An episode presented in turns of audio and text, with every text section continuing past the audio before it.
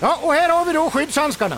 Varför finns det så många modeller att välja mellan? Ja, du vet, Tegera Pro ska ju passa exakt för varje jobb och därför finns det så många olika. Och glöm inte att rätt skyddshandske gör halva jobbet. Okej, då tar jag två.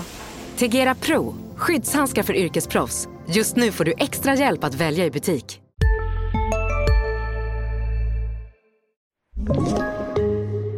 Sanny och Svensson är tillbaka och vi har kommit fram till det 38 avsnittet av den här podden. Och vad förknippar du med nummer 38? Janne Larsson, gammal storspelare, numera coach i Rögle, serieledande Rögle. Vi ska klona Marcel Jenny, skrek Färjestadsklacken. Jag förstod varför. Gick knappt att ta pucken av han. Och Temo Alto, som jag själv spelade med i Timrå när Timrå storsatsade.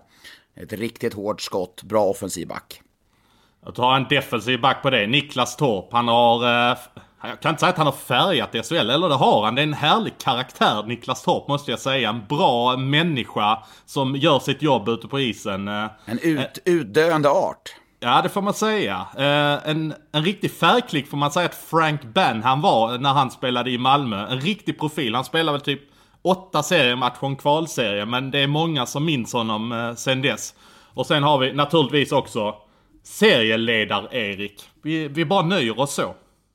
Kort och gott. Eh, Ville Vitaloma, han var med i Luleå eh, och eh, var inte den snabbaste spelaren. Och sen Barry Richter, Barry Richter, kommer du ihåg honom? Jajamän, Linköping början av 2000-talet va? Ja, det var i samband med att de också eh, storsatsade och gick rätt hårt åt eh, stora svenska profiler som Mikael Musse Håkansson, jag tror Janne Mertzig, Thomas Johansson, Stefan Myran Gustafsson. Var det inte. Myran som inledde allt det där? Jag tror att det kanske var han som kom först. Nummer sju, han var väl en, förmodligen den sista spelaren som spelade utan visir också. Ja, någonstans eller var det Peter Andersson kanske? Peter Andersson, ja det var nog Peter Andersson, ja. Men. Ja, jag fyller på. Jag har inte glömt honom. Åh, 38. Johan, Johan, Johan, Johan Markusson. Så sjöng väl eh, Växjöklacken tror jag. Har tröjan i taket i eh, Växjö. Det är kaptenernas kapten kallar de honom för där. En riktig ledare. Kom från början från eh, Gävle och fostrad där i Brynäs. Gick via Oskarshamn och sen blev han legendar i Växjö. Och absolut, sist men inte minst. Jag säger det. Kasper Sjösten, denna SHL-profil får man säga. Har spelat i Örebro och eh, numera spelar han i Hammarby. Du eh, vet ju också vem Kasper är såklart. Ja, minns honom väl från Örebro-tiden.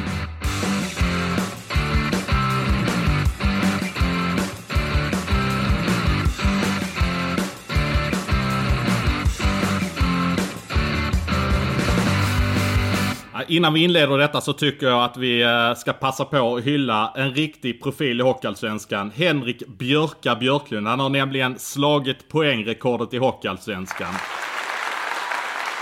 Ja, det är ju läckert balt Henrik Björklund som kom upp som en lovande talang i Färjestad när jag spelade där och tog inte riktigt plats, lite på grund av ryggproblem, men har gjort det jättebra i Hockeyallsvenskan med Modo och framförallt Karlskoga. En riktig profil.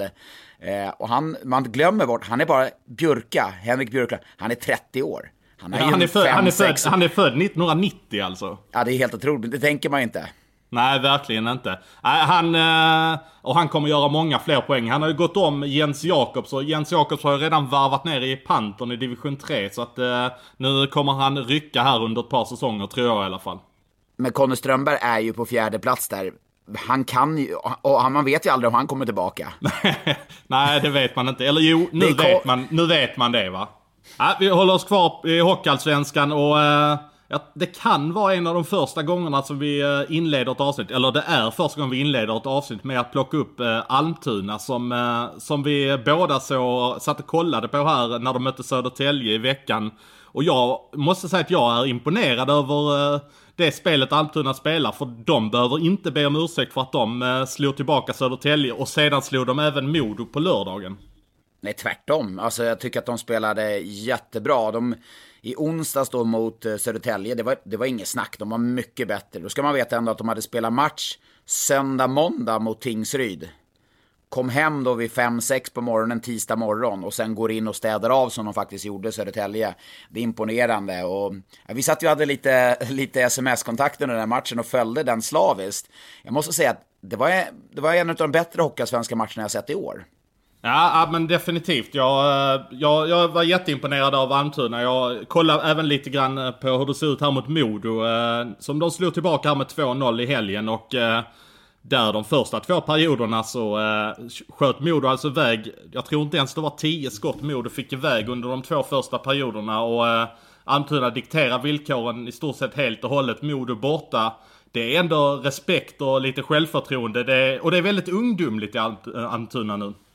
Men hur ser powerplay ut då? Har du ritat upp ett powerplay där? Hur ser det ut? ja men det såg vi ju faktiskt eh, lite prov på ja. här mot eh, Södertälje i veckan. Och eh, en som man uh, har börjat uppskatta skarpt här i Almtuna är ju den här Martin Mellberg som de plockade hem uh, från uh, college-spel inför Sluta denna säsong. skryt, nu ska du sitta och skryta. Ja, du scoutade honom tidigt, jag vet. ja, jag scoutar och scoutar. Ja, jag kollade faktiskt upp honom relativt tidigt här under säsongen och... Ja, men ja, du vet. Du skickade ett meddelande till mig någon gång i mitten, slutet av augusti. Till mig, Adam Johansson och Johanna Dahlén där på Expressen och satt och sa den här Martin Mellberg ser intressant ut. Och nu får du ju vatten på din kvarn här. Ja, nu är hybrisen stor alltså. Nej, jag, jag skrev faktiskt så här och detta var den 27 augusti så skrev jag. Jag har faktiskt en spaning. Den där Martin Mellberg i Almtuna, skulle det kunna vara ett fynd? Eh, jag har pratat med lite folk och många har hyllat honom. Han spelar i första linan för Almtuna som möter Sveriges juniorlandslag idag och har 1 plus 1 i matchen. Han kommer att bli intressant att följa upp i serien sedan. Ja, och det är, är han ju. Han ser ju, han ser ju hyperintressant ut i rightare, alltså lite avig, stor, kan alltså spela på ett stort sätt, hitta bra passningar. Jag eh, vart ju omedelbart förälskad i en sån spelartyp när jag såg honom där i onsdags. Ja, på tal om bra passningar, du såg den passningen han la fram där redan mot Västerås i premiären och eh, det powerplay-spelet de har. Eh, din fråga där var ju vad de ställer upp i powerplay. Det är alltså inte de stora namnen vi målar upp här inför en säsong. Utan det är ju Marcus Karlström som var väl nere i Kallinge-Ronneby och spelade en vända tidigare AIK. Jesper Norbäck, han, ja det är ju Vimmerby-fostrad så det, det är ja, väl klart han att han skulle vara bra. Färjestad Grums, men han, han var ju faktiskt en bidragande orsak till att jag Eh, blev förtjust i, i Vimmerby fjol när de slog ut Huddinge. Han flög ju fram där och gjorde nästan lite vad han ville på isen. Och jag, då såg man, oj, den här, han, han ska inte spela Hockeyettan, han, han ska spela Hockeyallsvenskan. Men att han skulle gå in direkt och styra och vara med i första powerplay i ett Hockeyallsvenslag, den såg jag inte riktigt framför mig. Nej, precis. Och sen så är det ju Hampus Harlestam som, eh, som Oskarshamn faktiskt hade värvat inför förra säsongen för att de skulle ha i Hockeyallsvenskan. Men eh, det, steget blev för stort från eh, Vimmerby, division 1. Också Vimmerby såklart. Ja. Eh, talangfabrik så, nummer två. Ja, så är det ju. Och sen har de ju eh, den fartfyllde Tim Söderlund också som spelar den powerplay-formationen. Och det är ju egentligen inte den enda PP5 de har utan de kan ju matcha en bra PP5 till med Gustav Lindström, Tobias Liljendal, William Haag, Emil Berglund och Johan Södergran. Så att de har ju ett rätt skarpt offensivt lag. Nu pratar vi liksom Emil Berglund som vi kanske inte såg som ett offensivt hot tidigare, men han har gjort det jättebra här i inledningen poäng, på säsongen. Sju poäng hittills. Just, han, han lämnade Timrå för att få en större offensiv roll och det, det har han ju onekligen fått där i, i Almtuna. Sen, sen också Erik Hanses eh, sägs ha gått ner lite, i en, ganska rejält i vikt. Var, också duktigt revanschsugen efter säsongen i fjol i Modo när han inte var nöjd med Kanske han behandlades, eh, men inte med sitt eget spel heller. Kommer i ett helt annan fysisk form och är förberedd för den här säsongen. Så jag tycker han ser... Eh, nej, han, eh, han ser skarp ut måste jag säga. Ja, och sen får vi inte glömma att uh, Almtuna har ju en helt ny tränartrio på bänken också. Det är ju Robert Kimby som var assisterande i Björklöven till Joakim Fagervall förra säsongen som får leda ett lag.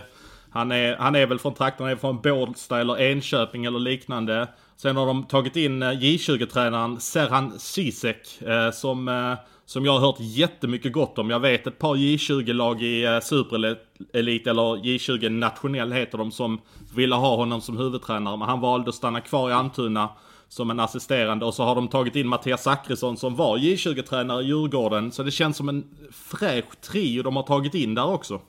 Ja, verkligen. Eh, den som jag vet bäst om där är Mattias Zackrisson som har varit i Djurgårdens J, eller U16 där när 99 när jag var med och tror jag vann guld. Han var med i J18, huvud, headcoach i J20, gjort det jättebra, varit uppskattad.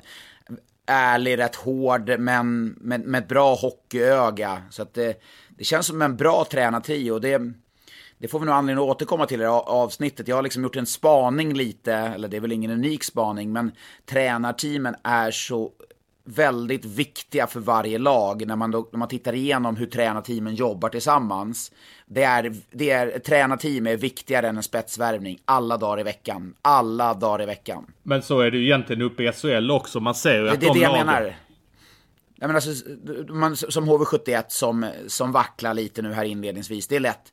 Vi satt för några veckor sedan och hyllade HV71 och jag har inte gett upp på dem, men där känns det inte som ett tränarteam som riktigt sitter ihop. Det är mycket det känns mycket skrik, det är mycket skäll, de är, det är mycket argt liksom. Och det, det är klart att de är pressade, men det känns inte som ett 2020 förtroendeledarskap som kanske många andra bygger på. Som Roger Rönnberg till exempel, eller Martin Filander som har gjort det jättebra i Oskarshamn med flera.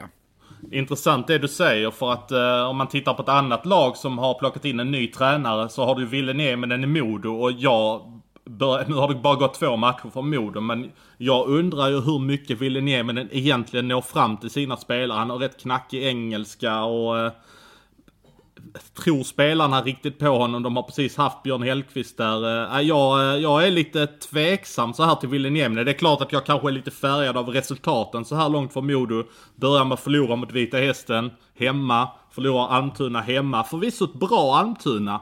Men ja, att, och, och ett bra Vita Hästen också inte nog med det, men man hade ju också en dålig rush från försäsongen in, in, in i säsongen. Man spelade dåligt mot Timrå och, och, och det såg inte alls bra ut. Eh, jag tycker inte man ska prata i termer om att, eh, alltså än så länge, det är två matcher, nå, nå ville Nieminen fram och så. För att det, det, måste ju varit en rigorös scouting. Alltså det måste ju varit så noggrann scouting från, från, eh, från Modos sida här. Så att det, det kan inte vara att här och nu han inte når ut. Det, det är ju ett sånt, det är inte underbetyg till Villeneuve, men det är ett underbetyg, om så skulle vara fallet, till hela Modo som organisation. För det, så får, det får inte hända. Nej, men så, så är det ju såklart. De skadade ju honom jättehårt och de drog ju verkligen ut på processen att anlita en ny tränare. Han blev ju inte klar förrän i slutet av maj eller början av juni. Så det är klart att de har kollat upp på honom noggrant. Men man hör ju inte så goda vitsord. Han fick ju sparken från sin finska klubb för någon säsong sen. Så att det är det är inte så att han har flugit fram under sin tränarkarriär. Det är klart att han kan göra bra resultat i Modo, men eh,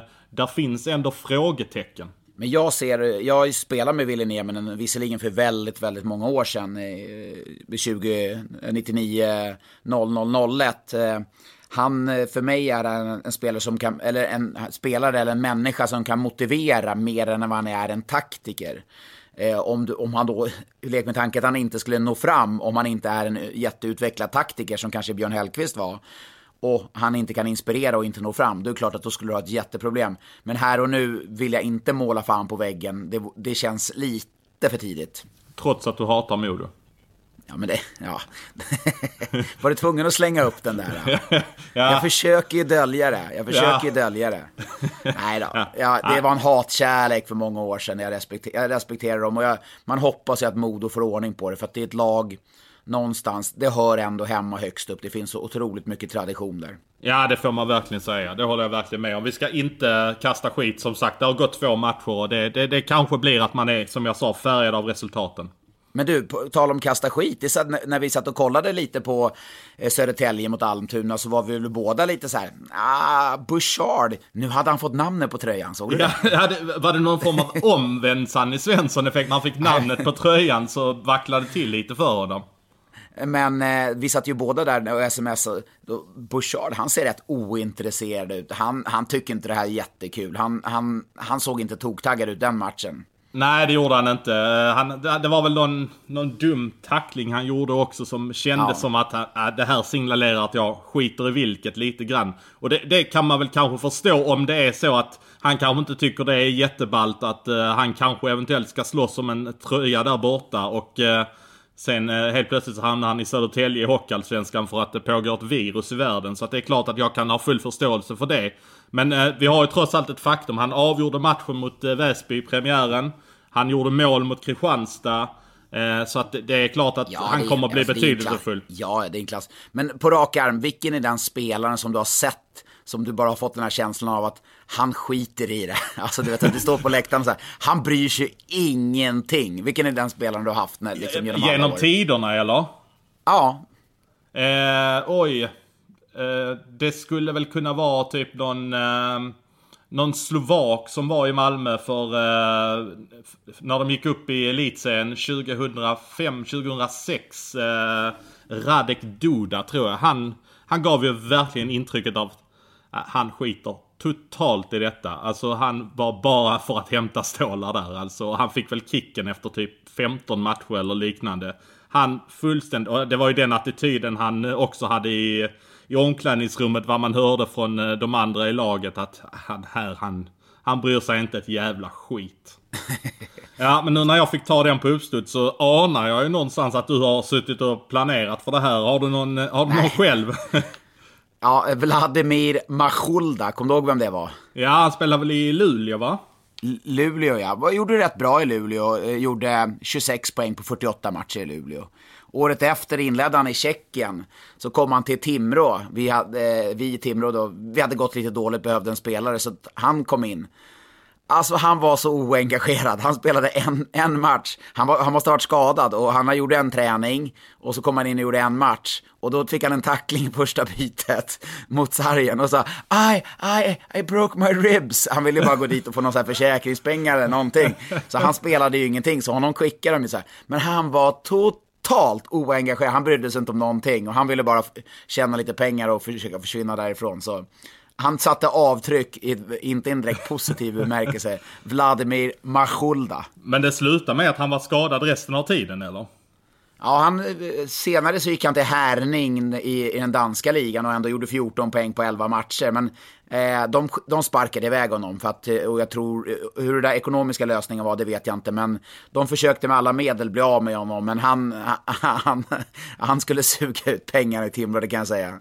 Alltså den där säsongen när Radek Duda var eh, i Malmö där 2005-2006. Det var ju en helt vansinnig säsong. Det var så många spelare som det kändes som att Ja, vi bryr oss inte. Det var, de, de hämtade ju spelare fram och tillbaka. Jag tror det var uppåt 50 spelare som var där den säsongen och eh, det kändes inte som någon brydde sig. Så att, eh, och sen åkte de ju ur där senare på våren. Så att, eh, när vi ändå är inne här på Hockeyallsvenskan får vi faktiskt gratulera Väsby som tog sin första trepoängare när de slog AIK i fredags.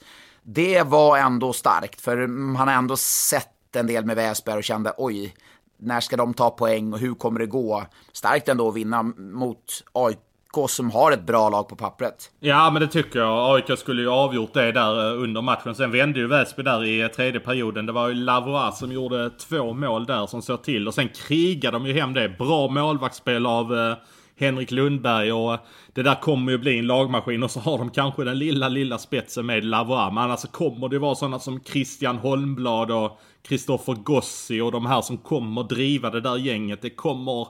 Det kommer vara 2-1 segrar och 1-0 och 3-2 och så vidare. Men de kommer ju säkert ta sina poäng. Men jag tror inte att de reder ut att inte vara bland de två sista i tabellen. Det känns det som. Nej, förutsättningarna har inte, har inte varit de bästa. Men Timrå och Karlskoga känns som två lag som kommer komma rejält. Eh, eh Karlskoga fick en tuff match mot, mot Timrå där, men eh, känns ändå som att de är över tid kommer de vara, de kommer vara Karlskoga starka. Ja men det kommer de. Karlskoga har ju nio av de tio senaste säsongerna har de kommit topp 5. Och den säsongen de inte kom topp 5, det var ju då de var snubblande nära för att kvala sig kvar. Jag tror det var året direkt efter de kvalade mot Rögle i, eh, och kvalade om att få ta sig upp till SHL som det fullständigt blev korthus som föll. De tappade ju Karl Persson, Ejdsell, Daniel Wessner slutade. Alltså det var ju väldigt mycket spetsspelare som, som Men eh, varför säger försvann. du det? Så är det ju för Karlskoga varje år ju. Ja, det är det ju. Men, ja, det, är det definitivt. Men vem, kan vi summera Hockeyallsvenskan nu då? Vem blir årets Jesper Kokkonen som, som jag, host host, målade ut som en eh, blivande SHL-spelare i typ omgång ett i fjol? Ja men då tar jag på mig Jesper Kukkonen för jag sa det redan i augusti också. Så det han ska du inte få bara för, att du, eh, bara för att du sa det i podden. Jag skrev det faktiskt tidigare. Men då tar jag på mig Martin Mellberg redan nu då. Ja, men det han, Martin Mellberg blir årets eh, Je- Jesper Kokkonen då. Ja men du kan väl få säga Jesper Norbäck då? Ja, ja men han, han behöver en säsong till och, och, och, bakas ordning ordentligt där i, i Hockeyallsvenskan innan, innan han tar klivet upp. Ja, för Kokkonen fick väl två säsonger i uh, Hockeyallsvenskan. Kom ju från Vimmerby också och uh, var ju jätte, jättebra års, uh, säsong två då. Den här podden sponsras av Vimmerby Hockey.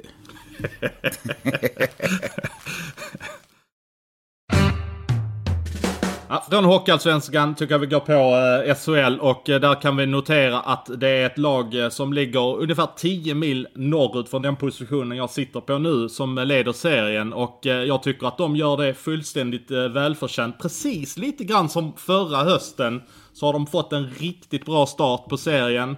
Då sa du tidigt att Rögle är ett lag på riktigt och det vill jag ju hävda att de är nu också.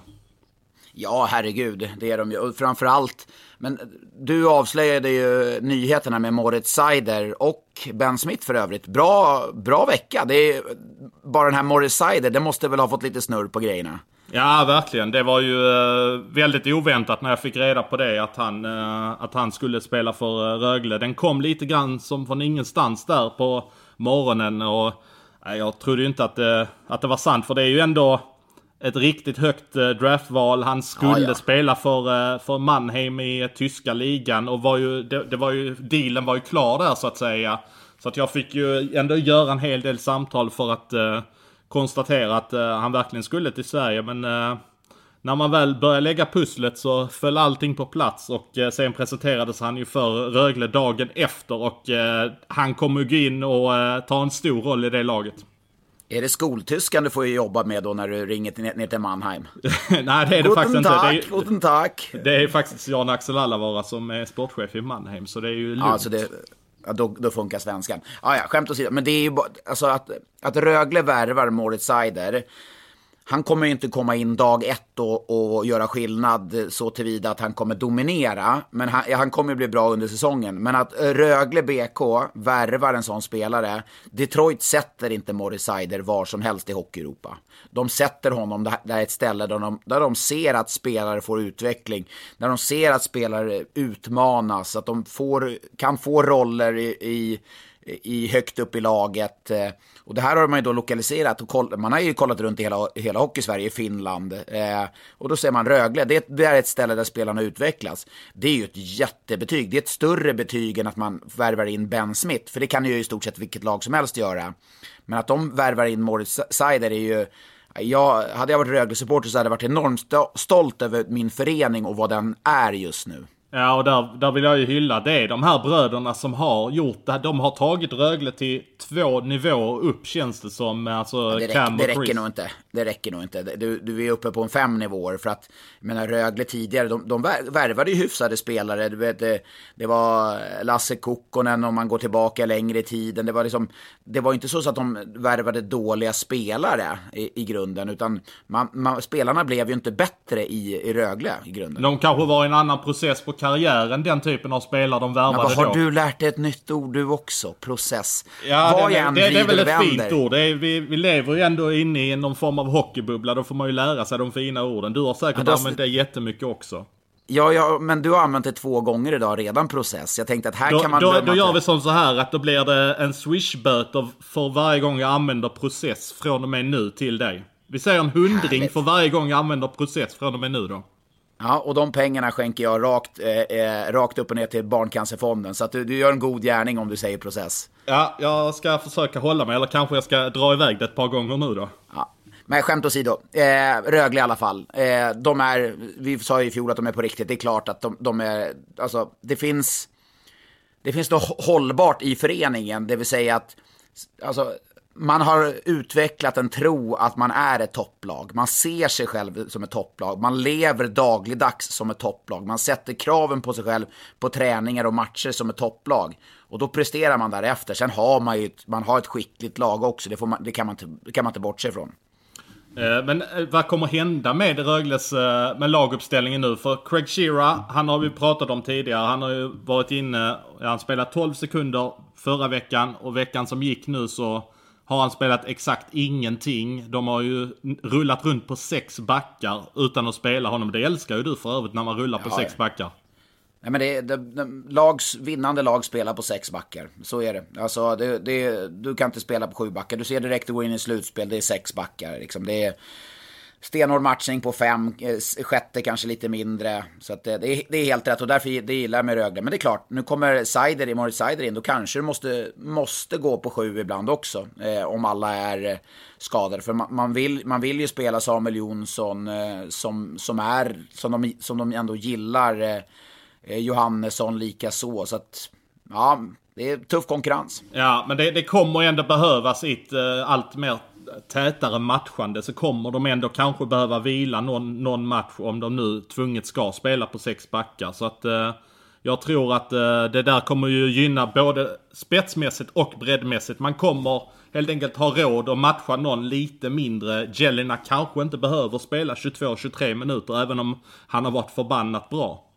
Ja, men det är också en sån. Det är rätt roligt att se Cody Curran, vilka steg han tog. Jellina, ser du på de stegen han har tagit. Han är också i en annan fysisk form nu, lite lättare, lättare i steget, i fötterna, i rörelse, så han får utnyttja sitt fina skott. Så att, ja, jag gillar där Rögle är och där man är på väg. Och det känns väl, det är tidigt ännu, men Frölunda imponerar på mig. Luleå är i en svacka lite svacka ändå. Två raka torsk, man har tagit poängen då. Där har det varit Sannu-effekten. Jag har ju gjort dem både på to i torsdags och i lördags, då man har förlorat båda matcherna.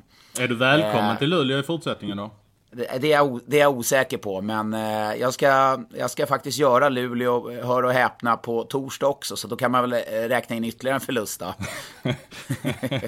men du, det var lite roligt att du uh, tog upp det med uh, nyheterna om NHL-spelare. Det kommer ju faktiskt med mer idag? Eller mer spelare? Ja, det kommer ju komma in fler eh, NHL-spelare. Det kan vi ju räkna ut som... Eh, där lagen vill ha den utvecklingen. Eh, Växjö tog ju tidigt Jack Drury.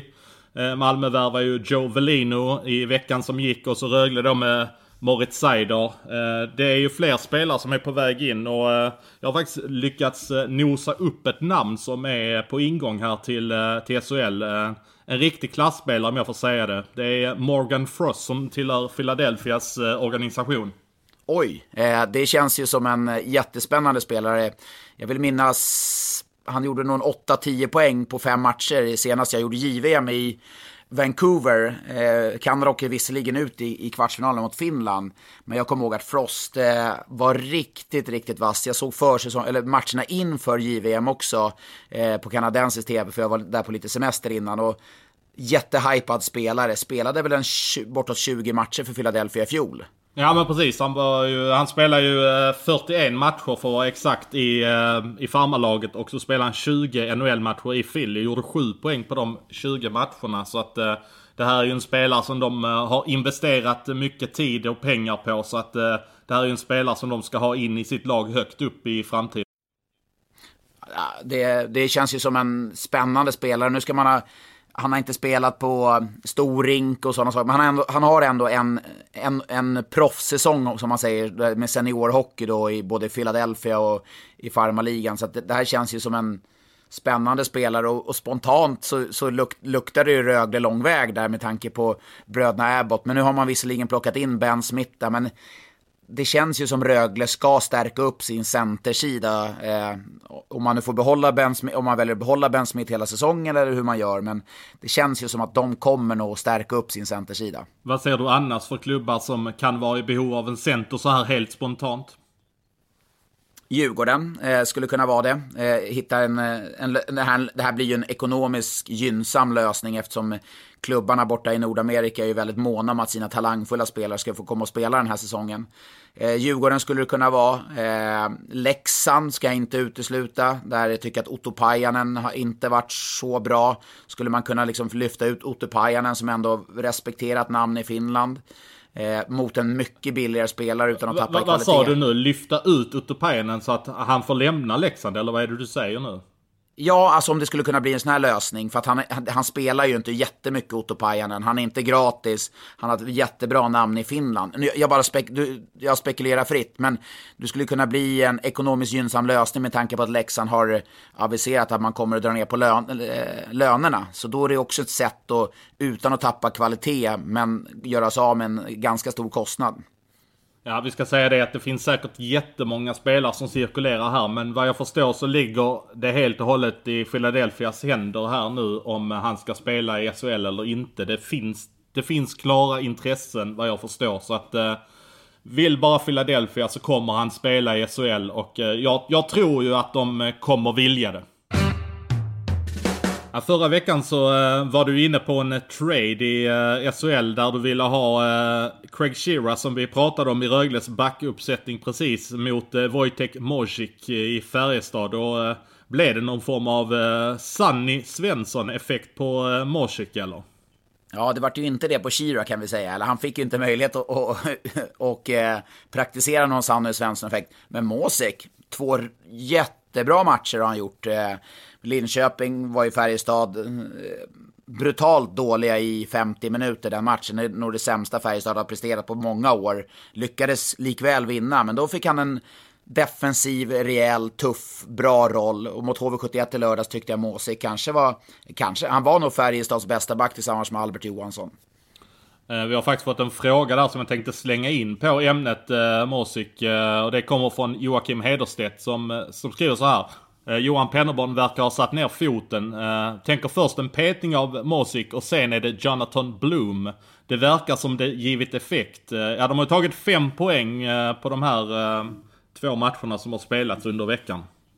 Ja, och eh, Jonathan Blum var ju högst delaktig i två av baklängesmålen där när man, man ledde 3-0 mot Linköping och var, eh, tappade allt, all form av spel, all struktur och allting. Och då var Blam högst delaktig i det. Då vart han också bänkad i tredje perioden och eh, Penneborn, han, han, han är inte rädd för att trampa på något hår. Kan, så mycket kan man konstatera. Och han satte honom rätt upp och ner på läktaren till och med. Det är ändå en spelare som gjorde 30 någonting poäng i fjol och är tänkt att vara en toppback i Färjestad. Men man, eh, man leker inte för mycket med elden när man gör det. Nu blev det en bra effekt på eh, Wojtek Mosik här och eh, han kommer ju förmodligen fortsätta spela här är det inte att man gamblar lite för mycket att man tar även Jonathan Bloom? Ja, det är, nu får vi se hur han reagerar eh, efter att ha varit en eller två matcher eh, på läktaren. Om han kommer in och, och bestämmer sig och vill sätta avtryck på så sätt som Mosek verkar ha tagit det. Problemet är ju en spelare som Jonathan Blum. Nu har Färjestad, även om de inte har spelat bra, så har Färjestad en bra backuppsättning. De har, är det powerplay så är det Jesse Virtanen som ska gå in som nummer ett. Då spelar han en och en halv minut i powerplay. Sen får Eh, bland de strösekunderna där bakom. Och det är någonting som han inte är van vid eh, från KL och inte från Färjestad i fjol. Och då när han spelar 14-15 minuter så är han inte lika bra som när han spelar 22 minuter. Det folk förstår inte skillnaden som jag som en gammal back. Alltså spelar du 14-15 minuter kontra 20-22, du spelar på ett helt annat sätt, och ett helt annan pondus, ett helt annat lugn, vilket gör att du spelar bättre när du får den istiden. Självklart, absolut, du ska förtjäna istiden. Men Blam har spelat 14-15 minuter i stort sett hela säsongen. Och därför har han inte presterat bra. Det, det ser jag som en stor anledning. Men om vi ska vara helt ärliga, har det verkligen vänt för Färjestad? Det var ju en direkt undermålig insats mot Linköping. Svar nej. Det, Svar det är nej. Så, så enkelt alltså? Nej, men Fär, alltså, om, om Färjestad hade förlorat den där matchen mot Linköping, då hade de inte vunnit mot HV i lördags. För att den matchen hade kunnat gått hur som helst. Det var, det var en bra match. Och om vi då ser med, med Färjestads glasögon så, så var det kanske det bland det bättre man har presterat på slutet. Eh, men den matchen, hade man torskat mot Linköping så hade man inte åkt ner till Jönköping och vunnit. Jag menar Linus Fröberg har en i överligga när det är en, en och en halv minut kvar. Det är då så de har powerplay där. HV eh, har ett powerplay och det är ganska hårt tryck där under den tiden. Ja, ja. Så, alltså, så att jag menar, de hade, de kom liksom, de kom undan med lite, lite tur just i den situationen. Sen sett över dryga 60 minuter så var det inte orättvist på något sätt att, att de vann. Det hade kunnat gått lite hur som helst. Men bara för att man har vunnit de två matcherna så jag, jag ser inte att det har vänt. Det, det ser jag inte riktigt ännu. Men man får ändå säga att Linköping och HV det är ju två lag som på något sätt hittar sätt att förlora som det så fint heter. Nu får jag inte säga, jag säger det Nej. process. Så nu, har, nu blev det en ja. hundring där. Men, men eh, alltså det, där, där hittar de ju verkligen sätt att förlora matcher. Men så, så är det. Och om vi börjar med HV71 nu så jag upplever att det känns väldigt stressat. Alltså, och jag förstår det. Det är en toppklubb. Det är förväntat att man ska vara en toppklubb. Man, man gjort, presterade bra på försäsongen. Problemet som jag ser det, det är att man är alldeles för dåligt i spelet med puck bakifrån. Alldeles för dålig. Man får ingen fart. Vilket också är att eh, forwards i HV71, de visar sig inte i positioner. De kommer inte ner och ger en enkel eh, passning för backen. Det är ostrukturerat. Eh, det är en överambition blir det. Man som spelare vill väldigt mycket, men det blir totalt fel. Sen tror jag att det är ett stressat tränarteam. Jag gillar tränarteamet i grunden, men det är stressat. De Just nu pågår vår stora season sale med fantastiska priser på möbler och inredning. Passa på att fynda till hemmets alla rum, inne som ute, senast den 6 maj. Gör dig redo för sommar. Välkommen till Mio. Hej, Synoptik här. Visste du att solens UV-strålar kan vara skadliga och åldra dina ögon i förtid? Kom in till oss så hjälper vi dig att hitta rätt solglasögon som skyddar dina ögon. Välkommen till Synoptik arga, de skäller. Det känns, det är, det är liksom ingen harmoni så tror jag. Och det, det, är en jättesvår balansgång tror jag som tränare. Speciellt då för Niklas Ram som är första gången han är headcoach i, i SHL, eller första gången han är headcoach. Va, det... du, du säger att de skäller. Eh, är det någonting du har fått innanför väggarna eller är det någonting du upplevt från båset när du har varit nära laget? Eller hur, hur, hur Nej, men jag, jag, Dels har jag jobbat i, i premiären, jobbade jag vid båset och då fick jag en uppfattning att det var lite gnälligt. Men det var, det var en premiär, det var lite frustrerat, de, de gjorde ingen bra match. Sen, sen hör man saker också, att det, det är det har en tendens att läcka ut saker när, när, när inte spelet fungerar. När, när något lag spelar bra, då, då, då flyter allt på. Då, då kan man ha överseende med saker och ting. Men jag tror också att det, det är farligt om det blir för mycket skäll, för mycket skrik, för mycket press. Då, så här, är, så här funkar det idag. Nu, jag säger inte att vi, vi är inte där nu på samma sätt som vi inte är där med Ville Nieminen. Men får man en spelartrupp emot sig 2020 så är man körd som tränare. Det, då, är man, då är man körd. Det är liksom, du måste ha spelartruppen med dig. Jag säger inte på något sätt att Niklas Ram och de inte har det här och nu. Men jag tror att det är, det, det är en jäkla tunn linje man går mot när, när man, man har förlorat mycket. Och om man kommer fortsätta rada upp några förluster. Nu testar ju Niklas Ram att göra som Pennerborn eh, har gjort här med sina storstjärnor eh, och petade Emil Johansson i matchen mot eh, Färjestad. Och han har du hackat lite på tidigare. Ja, men det, det, är också helt rätt att skicka en signal. Emil, har, Emil ska vara mycket bättre än vad, än vad har varit. Han är just en spelare som är för överambitiös i spelet med puck och för slarvig och sätter sitt lag i, i, tuffa situationer. Sätter sig själv i svåra situationer. Så att det, det var ganska väntat att man var tvungen att göra, agera på något sätt. Vår vän eh, Linus Harper, vi, vi, vi, vet ju fortfarande inte om det är Shane Harpers eh, släkting eller vad det är. Men han skickar en fråga i alla fall. Eh, hur mycket tålamod ska HV71 ha med ram? Tror ni problemet ligger hos målvakterna i HV? Frågar han också. Så det var ju två frågor i en där. Och jag kan ju svara i alla fall på den andra. Jag tror definitivt inte det är något problem med målvakterna i HV71. Jag skulle väl säga att det är en styrka i laget att, att ha två så bra målvakter. Det finns jättemycket kapacitet i de två. Ja, nej, det, målvakterna är ingen... Det, det, är väl kanske det man är minst orolig för i, i HV71. Eh, jag, är, eh, jag är inte speciellt orolig att man inte kommer att tåla mod med Niklas Ram. Det, det, tror jag att man kommer ha. Men samtidigt så kommer det vara att man behöver coacha Niklas Ram på samma sätt som Rögle behövde göra med bröderna Abbott, med Cam. Det var inte helt friktionsfritt när han kom in, men titta vad de är nu. Så det vore helt hål i huvudet om, om man hade tappat tålamodet med, med Niklas Ram. Det, det ser jag inte komma här och nu. Man måste jobba med honom på samma sätt som, som då Rögle gjorde med bröderna Ebbot. Ja, men det är ju inte så att HV har köpt grisen i säcken med Niklas Ram på något sätt. De har ju vetat vad det är för ledare. Han har ju jobbat där i flera säsonger som assisterande också. Så det är ju... De vet ju verkligen vad de har investerat i. Men det, är en, det, det, ska man ha respekt för. Det är en jäkla skillnad att vara assisterande och att vara headcoach. För assisterande, du kan ha åsikter, tankar, men du behöver egentligen aldrig stå för dem. Det är alltid en headcoach som frontar de här sakerna som, som man vill implementera eller göra. Det är headcoachen som tar det slutgiltiga beskedet och det är han som också får stå till svars för det. Men på tal om assisterande, hur lång tid tar det innan man kan se en eh, effekt av Stefan Nymans jobb? Hur lång tid tog det till exempel i Djurgården? Har du något minne av hur lång tid det tog för honom att jobba där?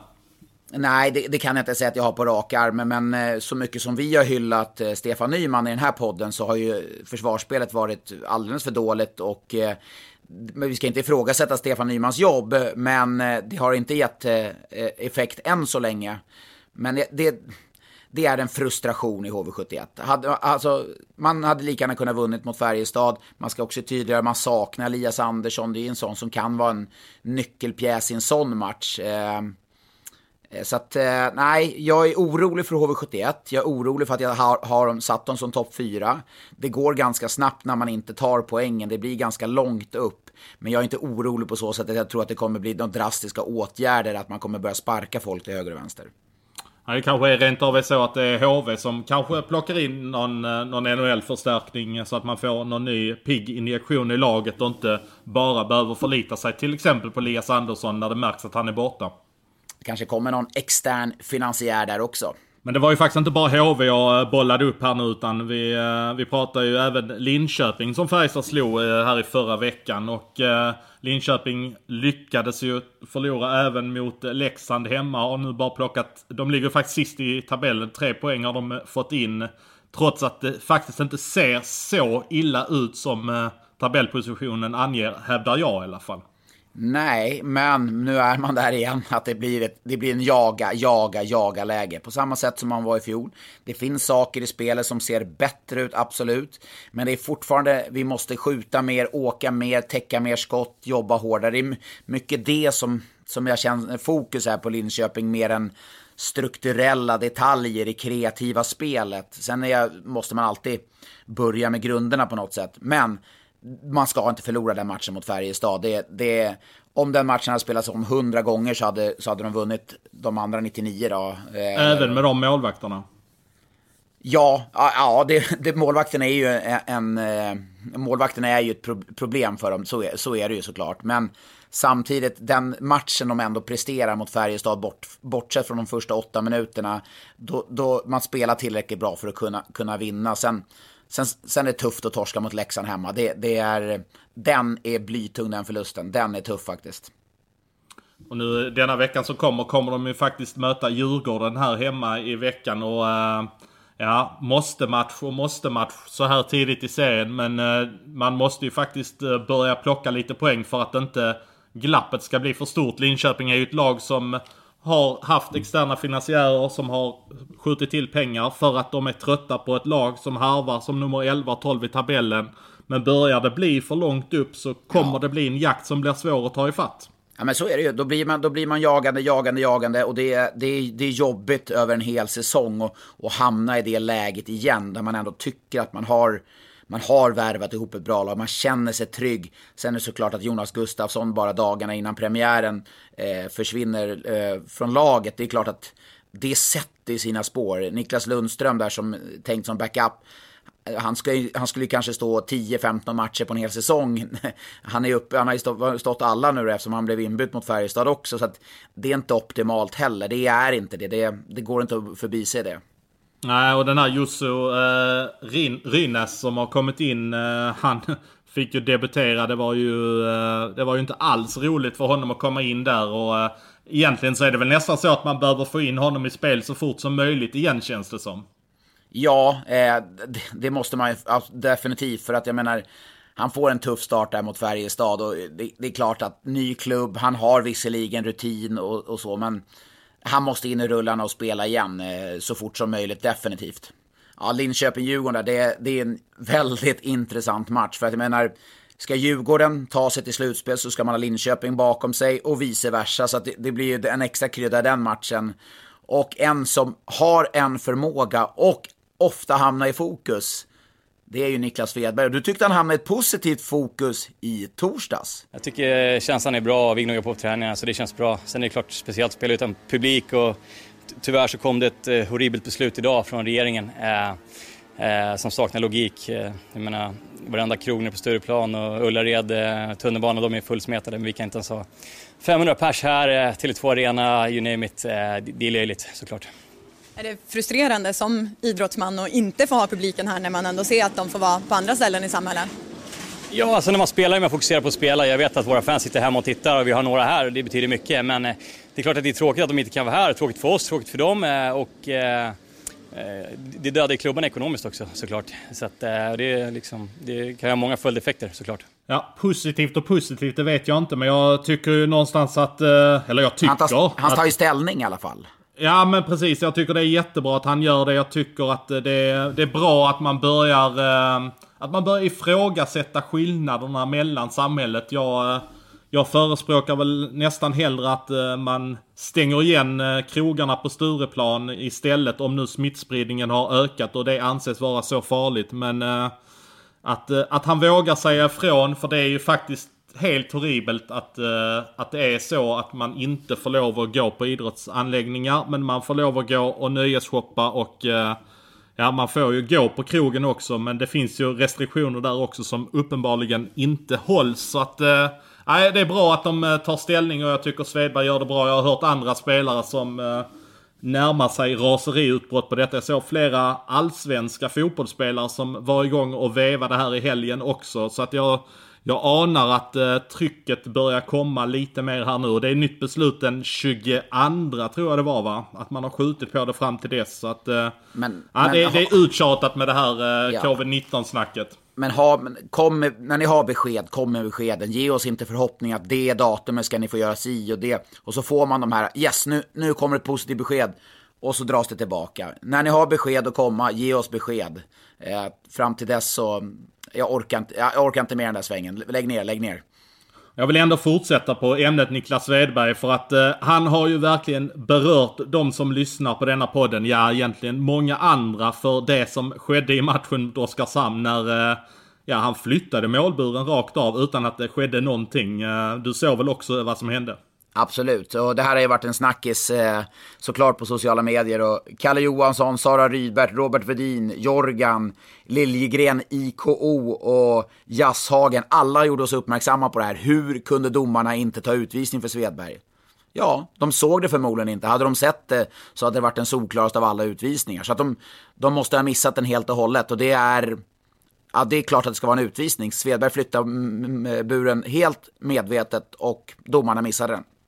Åtta ögon missar en sån eh, grej alltså. Ja, de måste...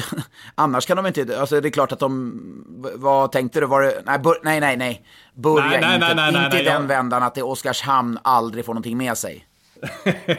Lite det stuket tycker jag mig ana bland Oskarshamnare. Och eh, det är inte bara Oskarshamnare utan eh, att eh, det är så att SHL vill eh, missgynna de, eh, de små lagen eller vad Nej. man ska kalla det. Men, Paus, men det, paus, det, paus, kan, det kan vi väl faktiskt eh, stryka Nej, men där, rakt där, det, det håller jag inte med om. Det håller jag inte med om. Och sen visst, det finns en historia med Karlskrona som tvingas bygga om hallen. Där, vi, om vi lämnar det åt sidan, absolut. Men rent sportsligt så är det såklart att det är inga domare som dömer mer emot Oskarshamn än något annat lag. Det, det är helt otänkbart. Men däremot, jag, jag skulle kunna reagera rätt starkt emot. Och det här är, har jag irriterat mig på. Det är i fjol och framförallt den här säsongen. Alla lag som har förlorat mot Oskarshamn, har du tänkt på en sak? Vad har de gemensamt? Ja, att de har varit, eh, gjort sin sämsta match för säsongen såklart. Ja. Men vad, Oskarshamn, har inte de spelat bra då? Nej, tydligen inte. Nej men alltså där, där, nu, där får jag sätta ner. Oskarshamn har ju spelat väldigt bra den här säsongen. De matcherna man har vunnit, man för spelet stora delar, man försvarar sig bra, man är strukturerad, man vänder spelet, man har ett bra målvaktsspel, man har ett giftigt powerplay. Oskarshamn är ju, alltså, de är inte på riktigt så tillvida att det är, det är Rögle på riktigt, men det, det är en helt annan stabilitet och trygghet i år. Och hade jag varit supporter till, säg, Djurgården, Malmö, Linköping där de är nu och ser Oskarshamn så hade jag varit väldigt orolig kan jag säga. För att Oskarshamn, det är ingen fribiljett till ett kval. Det är ingen fribiljett till ett kval kan jag säga. Absolut inte. Nej, och skulle det vara så att Oskarshamn hamnar bland dem som nummer 13 och 14 så någonstans när de går in i så fall och möter något annat lag så är det ju ändå så att Oskarshamn har allt att vinna i det kvalet. Eller snarare det laget de i så fall möter har allt att förlora. Men hur roligt hade det inte varit egentligen om Oskarshamn blev typ 11 eller 12 det hade varit två andra lag som hade drabbat samman i det kvalet. Ja, men alltså, det, jag ser det inte som otänkbart här och nu. Nej, inte alltså, jag heller. Absolut nej, men inte. Som, de har överraskat, alltså det är väl det laget som har överraskat mest positivt på mig eh, i säsongsinledningen. Och det, det är klart, de kanske inte får den kärleken de förtjänar för att många har ju satt dem där nere och tänker att ja, ah, de började bra i fjol också, de, de faller. Men skillnaden när man började bra i fjol, då började man bra och tog poängmässigt bra. Spelmässigt var det inte speciellt bra. Det var, det var inte poäng med, alltså spelmässigt levde inte upp till antalet poäng man hade efter fyra, fem matcher. Nu är det tvärtom. Jag skulle nästan kunna säga att man skulle kunna haft ytterligare någon poäng där borta mot HV71 tycker jag man borde nog kunna tagit en i alla fall, kanske två poäng i den matchen. Och de störde ju faktiskt både Luleå och Rögle på sin hemmaplan. Så att eh, i stort sett hade de ju kunnat ta poäng i alla matcher som de har spelat denna säsongen. Innan vi eh, kanske går över till någonting annat än Oskarshamn och eh, din kärleksförklaring här nu till dem. Så eh, måste jag ändå lyfta upp eh, vad jag hör från Oskarshamn också att eh, vi har tidigare varit ute, eller jag har tidigare varit ute och sagt att eh, Palmberg riskerar att vara borta hela säsongen och eh, då berodde det på att eh, om han tvingades genomföra en eh, höftoperation Signalerna jag hör nu är att han troligtvis kommer slippa den där höftoperationen och då kommer ju eh, eh, rehabtiden betydligt kortare och då skulle han till och med kanske kunna vara tillbaka inom någon månad här och det är ju ett jättepositivt besked för Oskarshamn. Ja, det är klart. Eh, då får man ytterligare en, en spetsspelare i ett numerärt överläge till exempel. Eh, så det, eh, det är ju väldigt positiva nyheter för, för Oskarshamn och som kan se fram emot det här. Och det är väl Oskarshamn, det har vi sagt tidigare, det är väl där det är mest drag på deras hemmamatcher. De där 50 från Bluefront eh, supportrar som sitter och skriker. Det är jag pratade faktiskt med Daniel Wiksten här eh, förra söndagen när jag skulle handla på ICA. Det var kanelbullens dag. Så jag var, sprang inom, inom ICA. Då sa han det. Jäklar vad kul det var att spela Oskarshamn. Vilket drag det var. Tänk ändå vad, vad bortskämd man blir när det är fulla hallar och kontra när det inte varit någon publik och så är det 50 pers personer. Han som motståndarspelare upplevde ändå att det var roligt att spela inför dem. Ja men det förstår jag. De, eh, de har ju verkligen gjort ett urval där och där i Oskarshamn har ju till och med Eh, Lokaltidningens eh, krönikör Christian Gustafsson har gått ut och skrivit ge biljetterna till dem i fortsättningen här hela tiden. Sponsorer har ju till och med ställt sig bakom att vi tycker att biljetterna ska gå till de här i Bluefront Support för att de för ett sånt jäkla liv på matcherna. Så att, eh, ja, de har gjort ett jättejobb. Men du, det skulle finnas, det kanske finns tre personer som skulle kunna överrösta eh, Bluefront eh, Support, eh, de 50 personerna. Tror jag. Tre personer. Ja, då kan jag säga det är Koffe i Växjö, är en av dem. Okej, okay, nej du är helt ute och cyklar. Helt ute och cyklar. Ja, han hade överröstat dem. Ja, det är Peter Andersson, Viktor Stråle och Johan Alsen. Tre Brynäs, eh, två ledare och spelare. Ja, plus gjorde, Koffe då. Plus Koffe då. Koffe i Växjö då. Ja, vi, vi får ge han det också. Jag gjorde ju, gjorde ju Brynäs, eller Luleå-Brynäs i lördags. Alltså det här är, det är ett helt annat Brynäs-lag. Det var ett Alltså oj, jag, jag, jag, nog, jag har förstått att det är en förändring som du hade kallat för... Ja, ja, ja något ja, exakt. annat ja. Något, något annat. annat. ja. Jag, ja. Jag, jag är ju medveten om att det är det, men att den resan som Brynäs är inne på och den förändringen som kommer att ske, eller är under pågående, var rätt kul att se. Vilket drag i båset.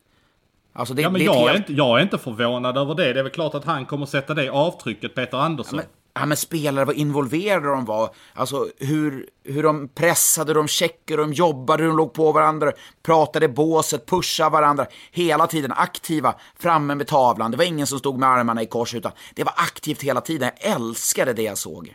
Och jag tror ju också att Brynäs-spelarna ganska tidigt i matchen märkte ju att vi har ju Luleå här idag. Vi, vi är ju absolut på deras nivå idag och kanske till och med bättre då får man ju ändå ett helt annat driv när man känner att shit, vi har dem.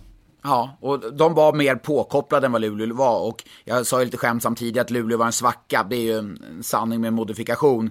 Eh, Luleå, de, de, är ju att räkna med definitivt. Men när man har inlett mot Djurgården första perioden, inledde mot Brynäs första perioden svagt. Eh, man skulle ha vunnit mot Brynäs för man hade extremt mycket powerplay-tid i andra perioden när man inte lyckades göra mål. Sen tycker jag Brynäs i tredje perioden lyfter upp spelet igen och gör det bra. Men imponerad av Brynäs, åker ändå upp till Luleå tuff bortamatch mot ett Luleå som har förlorat mot Djurgården matchen innan, är lite revanschsugna, säkert fått lite smiska av Bulan där, att han inte alls var nöjd. Och så går Brynäs in och vinner på, en, på ett ändå övertygande sätt. Jag vet, det var straffar, men sett till man har spelat så var det på ett övertygande sätt. Och dessutom så eh, fick de ju en ganska tung eh, kvittering från Luleå eh, emot sig där när Luleå hade plockat målvakten. Och det är ju lätt att deppa ihop efter det, men de gick ju in och tog tag i taktpinnen direkt och satte verkligen ner foten i straffläggningen. Väldigt bra där av eh, Patrik Berglund när han bara sätter dit den till exempel. Ja, och Patrik Berglund tycker jag ser ett helt annat engagemang, annat kroppsspråk i, i år än vad jag såg i Djurgården i fjol. Eh, backsidan John Nyberg, positivt. Ersson i mål.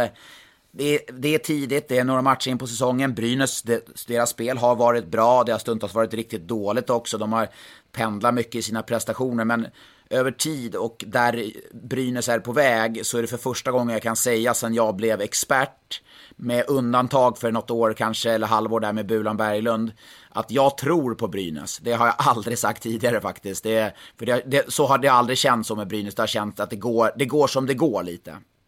Men var kan Brynäs ta vägen uh, denna säsongen med det du har sett nu? Det, det, du är inne på att det kommer gå mycket upp och ner. Uh, är det ett lag som kanske hamnar någonstans i trakterna där Malmö har legat och varit ja. de här säsongerna? 7 till 10. Uh, kommer kunna kommer kunna gå till kvartsfinal. Skulle, du vet om man får en, en bra resa in i en kvartsfinal, ta till, till semifinal. Alltså de har ju ett skickligare lag än vad Malmö hade som Peter tog till till semifinal. Nu hade Peter jobbat under en längre tid och eh, med Malmö än vad han gjort med eh, eh Brynäs. Man får... han, tog ju, han tog ju faktiskt Malmö till semifinal sitt första år direkt. Ja, visserligen. Men jag tänker mot när, vad han var när han lämnade Malmö mot vad han är nu. Så att, men det, det, det har ju givetvis en poäng i det. Men jag, jag, tror att ja, den här säsongen, semifinal skulle man kunna knaggla sig till. Jag tror att en kvartsfinal är mer rimligt. Men över tid eh, så tror jag inom en treårsperiod kan man mycket väl med Peter Andersson och Stråle där och gänget spela en final, absolut. Ja, men du, jag tycker vi slänger oss över frågorna. Kommit mycket. Vi har tagit upp en hel del redan så här långt, men uh, det kommer lite, kanske lite önskemål också nu. Det är Andreas uh, Idberg som, uh, som helt enkelt vill att vi ska såga Jocke Thelin för att vi behöver ha igång honom. Så jag gissar på att Andreas håller på ICA Oskarshamn. Men han gjorde en jättefin passning till Marcus Modigs mål där mot, mot Djurgården lördag, så att det, det behöver vi inte såga honom. Nej, det behöver vi väl kanske inte göra. Nu var väl han kanske ute efter att han kanske skulle börja göra lite mål eller någonting. Ja, nej, men det så, så, så lätt säljer vi oss inte, Svensson. Nej, det, det gör vi absolut inte. Men eh, en annan fråga kommer från Martin Fredriksson. Västerås tog in SHL-backarna Niklas Lundgren och Anton Mülleri. Visserligen på korttidskontrakt, men vad tror ni de kan bidra med i Hockeyallsvenskan? Ja, jag såg att Erik Göthberg ställde samma fråga. Jag tror att de kommer bidra med jättemycket. Niklas Lundgren som haft det väldigt rörigt så utanför isen de senaste åren. Eh, eh, tror jag kommer hitta ett lugn tillbaka i Västerås. Jag tycker tycker att Niklas Lundgren var bra faktiskt när han kom tillbaka till Växjö i slutet på säsongen i fjol. Mycket, mycket bättre än vad han var i Brynäs. Müller är väl lite upp till honom själv vad, hur bra han vill vara på den nivån. Vill han vara en av seriens bästa backar, då tror jag att då, då är han det. det. det. är väl lite upp till honom faktiskt. Ja, men jag, jag, alltså jag tyckte, jag tyckte Müller, när han var här nere så tyckte jag att han gjorde ett eh, väldigt bra jobb. Då hade han ju inte alls en offensiv roll som Patrik Zetterberg pratar om honom nu, utan då var det ju en femte, sjätte back som gick in och tog boxplaytid. och jag tyckte han hade en jättefin utveckling i Malmötröjan. Sen eh, blev det väl lite hattigt förra säsongen, började i Linköping och sen så gick han vidare till Djurgården och så blev det inte särskilt bra av det. Men uh, jag tror Mülleri kan tillföra jättemycket. Nu är det Simon Åkerström som är borta i Västerås här. Då kan det kanske vara den rollen man har tänkt för Mülleri. Och sen eh, får vi faktiskt se om Niklas Lundgren verkligen spelar för Västerås. För att han har ju en eh, klausul fram till torsdag klockan 18.00 som gör att han eh, kan lämna. De var ju helt öppna med det där Västerås.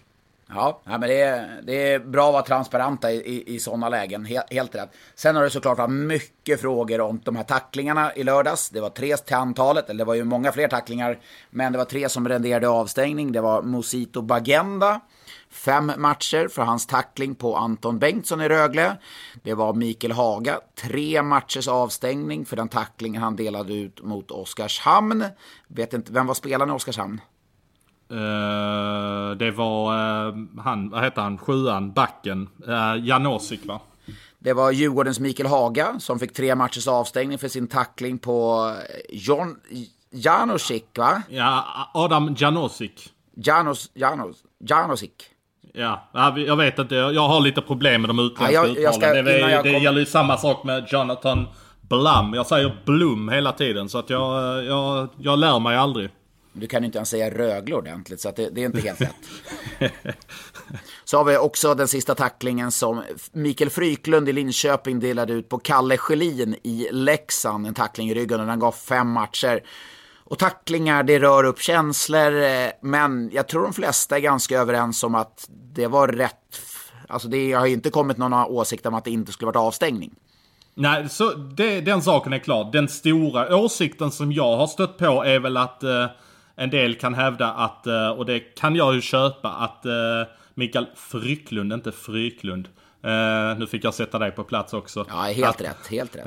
Ja. Äh, men att, han, att hans var värre än många andra. Att han ser ju verkligen bara nummer hela vägen och bara trycker till honom i ryggen. Han har ju, jag vet inte ens vad hans intentioner är i den tacklingen. Att den möjligtvis skulle ge mer än fem matcher. Men fem matcher är ju ändå ett rätt hårt straff får man ju ändå ha klart för sig. Ja, nej men jag tyckte det var, det var, i den situationen tyckte det var ganska väntat. Eh, sen går det alltid att jämföra med olika tacklingar, men de har satt ner foten och där tycker jag att eh, konstigt agerat av Fryklund där. Alltså väldigt, väldigt konstigt. För att det är nästan som att han är frustrerad i en situation. Och man ska veta att han har spelat väldigt bra inledningen för Linköping. Alltså, det, var, det är en tackling som man delar ut när man är frustrerad över någonting. Lite som Lias Andersson gjorde på Jonas Berglund i Luleå. Det var en frustrationssituation. Eh, och så kändes det här också. Det, det var väl det jag reagerade på. Va, va, varför gör han så? Men är det så att man, man kan ju inte tänka sig när man ser det, till exempel som den Bagenda gör eh, på, eh, på Anton Bengtsson i Rögle här i eh, lördags. Att det ser ju ut som att han siktar huvud. Att, att han bara har en enda intention med det. För pucken är bortspelad och det går inte speciellt fort. Utan han liksom vrider upp sin axel mot huvudet på Anton Bengtsson. Det, det ser ju för jäkla illa ut. Men det är ju inte så att man... Det är inte så Nej. att Musito Bagenda går runt och jagar huvud. Hur Nej, kan det bli så? Han kommer fel in i situationen. Han, de pratar alltid i, eh, i Nordamerika, different angle of approach. Alltså man måste ha en annan vinkel när man ska in och tackla. Han måste ju krypa ihop mer i den situationen om han ens ska dela ut den tacklingen. För att chansen, risken att han träffar ansiktet där, eller huvudet är väldigt, väldigt stort. Så han måste komma in helt annorlunda. Så det är en, det är en klantig tackling rent ut sagt. Och det, det för mig nästan in lite på nästa fråga här. Alltså om, eh, Robin Rosborg ställer en fråga här. Frycklunds tackling. Det pratas väldigt ofta att man som tacklingsmottagare ska ha ansvar. Är det inte dags att man tänker lite mer, på, mer som tacklare? Och det är ju, det är ju, det är ju A och O. Alltså, man måste kunna ha två tankar i huvudet samtidigt när man, när man gör de här sakerna. Man måste, som tacklingsmottagare så har du alltid ett ansvar eh, när du ha, har pucken att du kan bli tacklad. Men det är alltid ett ansvar på den som tacklar också. Kalle Schelin till exempel, eller alla de här tre situationerna. Där lägger man ju aldrig något som helst ansvar på den som tar emot tacklingen.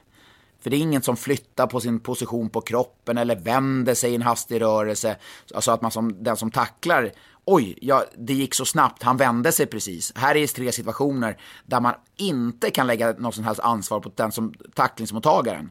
Men det måste man ju också, det i de här situationerna, det är liksom, det förstår man. Alla som har spelat hockey, alla som ser hockey, de förstår att det här är situationer som, de är bara klantigt utförda. Och i Frycklunds fall så var det förvånansvärt att det, en sån frustrationstackling rent ut sagt, när han ändå spelar så bra. Men vad krävs för att man ändå ska, nu, nu blir det ju lite grann och jag vet att det finns mycket folk som stör sig på det, att man att man lägger en form av ribba att allt ska vara så samma så att säga. Att det, det, det blir 5 plus 2 om det är en farlig tackling eller i huvudet. Nu fick ju Mikael Haga 3 plus 1. Om vi börjar den änden, varför fick han bara 3 plus 1 eh, och de andra 5 plus 2? Kraften, eh, kraften lite, hur han kommer i situationen. Eh, det, man gör en annan bedömning där, för Anton Bengtsson har ju spelat ifrån sig pucken då, Rögle-spelarna i tidigare skede. När Bagenda kommer in, Frycklund där kommer in, när han ser numren, när han ser ryggen hela vägen. Haga går och säger nej det gick snabbt, jag tänkte si, jag tänkte så. Det, det är en annan situation. Det är de, de kan uppstå de situationerna. Jag ser inte att Haga har någon intention att ta huvudet på något sätt, men det, den blir fel helt enkelt. Jag köper att det är tre matchers avstängning. Sen ska man veta också, hade det varit för tre år sedan så hade Bagenda fått tre matcher för den tacklingen. Men man har ju faktiskt skärpt straffen också. Just önskemål från klubbar, från spelare att man ska ta hårdare tag just mot huvudtacklingar. Men man undrar ju vad kommer krävas för att man ska ta... Alltså vad kan bli värre än det Mikael Frycklund gör för att du ska få mer matcher? Det har ju ändå delats ut 7 plus 3 till exempel. Men det finns, det, finns, det finns ju många situationer som har varit värre än, än det, det som eh, Frycklund gör. Även om det är fult så, så finns det ju situationer som med, med klubbor när man har crosscheckat medvetet upp mot ansiktet till eh, armbåge. De har hoppat in armbåge, de har varit från blindside. Jag tycker att det finns eh, situationer som har varit avsevärt mycket värre. Nu ska man också veta att Kalle Sjölin eh, kom tillbaka i spel eh, efter att ha klivit av. Hade han då missat matcher och åkt ut med en nackkrage, han hade skadat nacken, då hade man kanske suttit och pratat på ett annat sätt. Så ju, man blir ju ibland färgad av konsekvensen av tacklingen också, det ska man ha respekt för. Ja, vi går vidare med en annan fråga som, eh, som gäller den matchen och egentligen hela Leksands säsong i stort. Det är Adam Bergqvist som eh, frågar. Matchar Hellqvist första femman för hårt? Kommer det verkligen funka hela säsongen? Och det tycker jag är en intressant fråga för att eh, de börjar väl med att ligga någonstans på 24-25 minuter. Eh, och nu tycker jag ändå mig se, nu såg jag bara istiden mot Linköping att den i alla fall var nere på 21-22 minuter på dem och det är klart att det är jättemycket fortfarande. Men över tid så känns det som att de inte kommer kunna matcha dem så mycket. Nej, det kommer de inte göra. Nu är det ett, nu är det ett ganska gynnsamt schema, ett skonsamt schema för, för spelarna. Både Rivik och eh, Cehlárik och Camper är ju van från spelet i Nordamerika. De, de spelar 82 matcher. Eh, här är det ju, det är ju knappt matcher för dem. De är nästan förvånade när de kommer över att det, inte, att det är så sällan. Man spelar eh, torsdag, lördag och efter att de mötte Malmö där eh, för några veckor sedan så hade man nio dagar ledigt till nästa match eftersom det var några flyttade. Så nu, än så länge har det inte varit så, så hektiskt schema. Men när, när det väl tickar igång tisdag, torsdag, lördag. Då kommer man inte kunna matcha dem så mycket. Sen är det också en liten fara, det får man se upp med. Att de är jättebra. Men man, man blir väldigt beroende av den första kedjan när man matchar dem så extremt mycket. Du måste få igång fler spelare där bakom. Ja, då är det väl till exempel Oskar Lang, Patrik Zackrisson, den typen av spelare som, och Pajanen som vi har varit inne på lite grann. Nu är ju inte Pajanen någon eh, poängspruta på det sättet, men nog har vi ändå kunnat måla upp en bild av att vi förväntar oss en 20-25 poäng från Pajanen. Ja, men det, det, tror jag vi sa i samband med att han värvade där i, eh, innan vi la ner podden, innan han fick, tog sommarlov, så sa vi att det här är ingen spelare man ska förvänta sig göra 30 poäng, men en 20-25 poäng kan man väl i alla fall tänka sig att han ska göra. Sen tycker jag, jag är lite förvånad att jag han är, han, är, han är kort till växten, men han spelar litet också. Han, han spelar inget stort spel i defensiven, i offensiven. Han är eh, ganska lätt att flytta på. Jag såg, eh, mina rapporter var ju att det var en väldigt gedigen spelare som spelade upp och i båda delar av isen. Det har inte jag sett än så länge. Ja, vi tar en uh, liten sväng till här uh, och tar från Johan Enarsson. Jag tror faktiskt att uh, jag känner igen honom. En jäkligt trevlig Rögle-supporter som jag haft intressanta diskussioner med de senaste veckorna. verkar grymt hockeykunnig. Han skickar in. Eh, ni måste ju nämna det faktum att Oskarshamns mållåt faktiskt har något. Vet du hur den går? Jag tror den går så här. Tillsammans, tillsammans. Och så ropar publiken Oskarshamn. Jag tror det är den han menar. Det, det blir ja, ett jäkla drag alltså. Den är grym. Men vet du vilken min favoritlåt, eh, mållåt är? Eh, jag tycker ändå, ja det är väl säkert HV-låten eller? Nej, Väsbys. ja men du, du menar Skellefteås?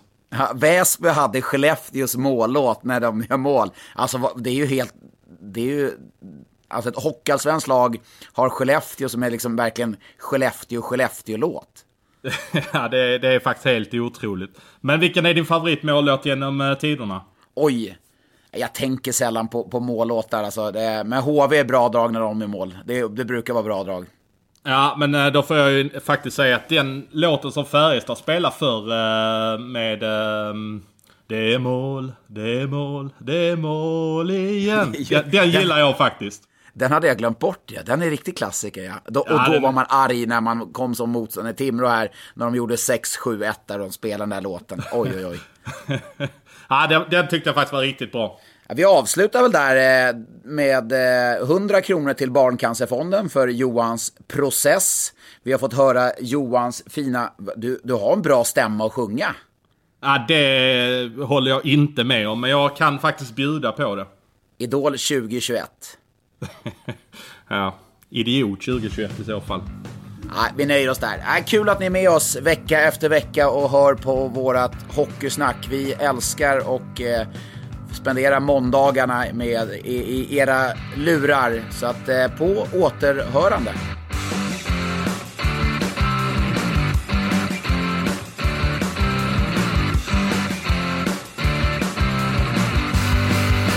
Du har lyssnat på en podcast från Expressen. Ansvarig utgivare Klas Granström.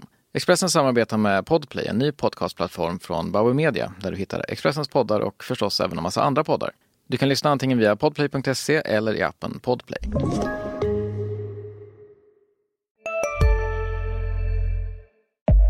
Upptäck hyllade XPeng G9 och P7 hos Bilia. Våra produktspecialister hjälper dig att hitta rätt modell för just dig. Boka din provkörning på bilia.se xpeng redan idag. Välkommen till Bilia, din specialist på X-peng. På Sveriges största jackpot-kasino går hypermiljonen på högvarv. Från Malmö i söder till Kiruna i norr har hypermiljonen genererat över 130 miljoner exklusivt till våra spelare. Välkommen in till Sveriges största jackpot-kasino, hyper.com. 18 plus, regler och villkor gäller.